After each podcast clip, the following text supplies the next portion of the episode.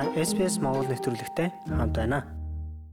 Хэдхэн цагийн өмнө Австралид холбооны сонгуулийн санал хураалт өндөрлөж, сонгуулийн хороо саналын хуудсыг тоолох ажилд орлоо. Тэгвэл саналыг хэрхэн тоолж, ялагчийг хизээ зарлах бол эндээс та сонгуулийн санал хураалтыг тоолохтой холбоотой өөрийн асуултын хариултыг аваарай. Санал хураалт орон нутгийн цагаар 18 цагт хаагдах боловч тухайн үед дараалалд байсан сонгогчид саналаа өгөх боломжтой хэвээр байдаг. Санал хураалтыг дууссан даруйд урьдчилсан өгсөн саналын хуудасны хамт тоолох ажиллагаа эхэлдэг. Төлөөлөгчдийн танхимын саналыг яаж тоолдог вэ? Төлөөлөгчдийн танхимын 151 судалтай бөгөөд суудал тус бүрийн саналын хуудсыг сонгуулийн шүн тоолж эхэлдэг. Австралийн сонгуулийн хорооны албаны хүмүүс саналын хайрцгийг онгойлгож хуудсыг гаргаж тоолж эхэлдэг. Тэд бүх нэг гэж тэмдэглэгдсэн саналуудыг нэр дэвшигт тус бүрээр нь тус тусад нь овоолж тоолдог. Дараа нь ажилтнууд 2 гэж дугаарлагдсан нэр дэвшигчийн тоолгыг явуулна. Харин Сенатын саналын хуудсыг тоолохдоо энэ бол дэлхийн хамгийн төвөгтэй тоолго гэж Австралийн сонгуулийн хороо тодорхойлсон юм а. Хэд хэдэн аюулгүй байдлын арга хэмжээ шаардлагыг хангах ёстой. Төлөөлөгчдийн танхимын тооллогыг хийж дууссаны дараа Сенатын саналыг тоолдог. Ингэхдээ нам эвслэрийн сонгодог шугамын дээд хэсгээс нэгдүгээр сонголтуудыг нь эхлэн тоолдог. Ингээд сонгуулийн эхний орой Сенатын саналын хуудсыг савлаж Австралийн сонгуулийн хорооны төв санал авах байранд хүргэж эхний сонголтуудыг дахин тоолдог. Дараа нь тэдгээрийг дахин савлаж муж нутаг дэвсгэр бүрийн Сенатын төв хяналтын төв рүү илгээдэг юм байна ялагчийг хизээ зарлах вэ? Австралчууд сонгуулийн шүүн үр дүнгээ сонсоод сурчсан ч албан ёсны дүнг хэлэхгүй байхаа гэж сонгуулийн хорооны хэвлийн төлөөлөгч өөрийн захим хуудаснаа мэдэгджээ. Тэрэ захим хуудасанд оруулсан видео бичлэг дээр Австралийн сонгуулийн хороо хизээч сонгуулийн шүн үр дүнгээ зарлаагүй магадгүй хизээч зарлахгүй гэж бичжээ.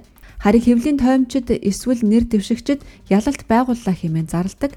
Гэхдээ энэ нь сонгуулийн хорооноос гаргасан хууль ёсны албан ёсны дүн биш юм а. Сонгуулийн маргааш нэм гарагт юу болох вэ? Сонгуулийн хорооны хэвлийн төлөөлөгч Экин Смитийн хэлж байгаагаар энэ өдөр олон үйл явдал болдогч тийм их нөлөөтэй хөдөлгөөн болдоггүй гэлээ. Ихэнхдээ саналын хуудсыг аль болох хурдан тоолох зохион байгуулалтын ажиллагаа байгуулна гэлээ. Тэгэхээр сонгуулийн маргааш буйн яг юу болдог вэ гэвэл Австралийн сонгуулийн хороо саналын хуудсыг савлах, тээвэрлэх, бүртгэх, шуудангийн саналыг хүлээн авах, бүртгэх зэргээр тун завгүй өнждөг.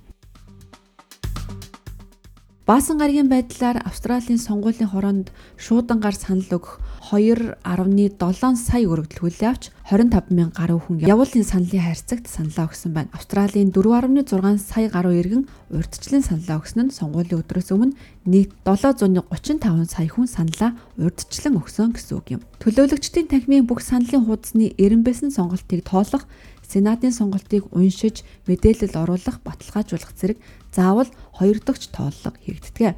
Австралийн сонгуулийн хороо яаруу биш зөв гэсэн зарчмыг баримтлан ажиллаж байна гэж мэдэгджээ.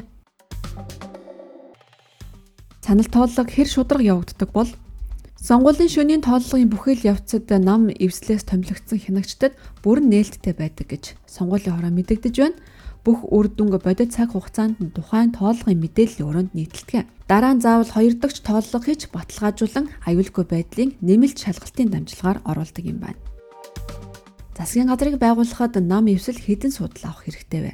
Төлөөлөгчдийн танхим 151 судалтай олонх болохын тулд нам эвсэл 76 судал авах ёстой. Энэ санал асуулгаар эвслийнхэн өөрийн хүчийг авч үлдэх юм уу нэмэгдүүлэхийн тулд Labor намаас дор хаяж 7-оор илүү судал авах ёстой гэсэн үг юм.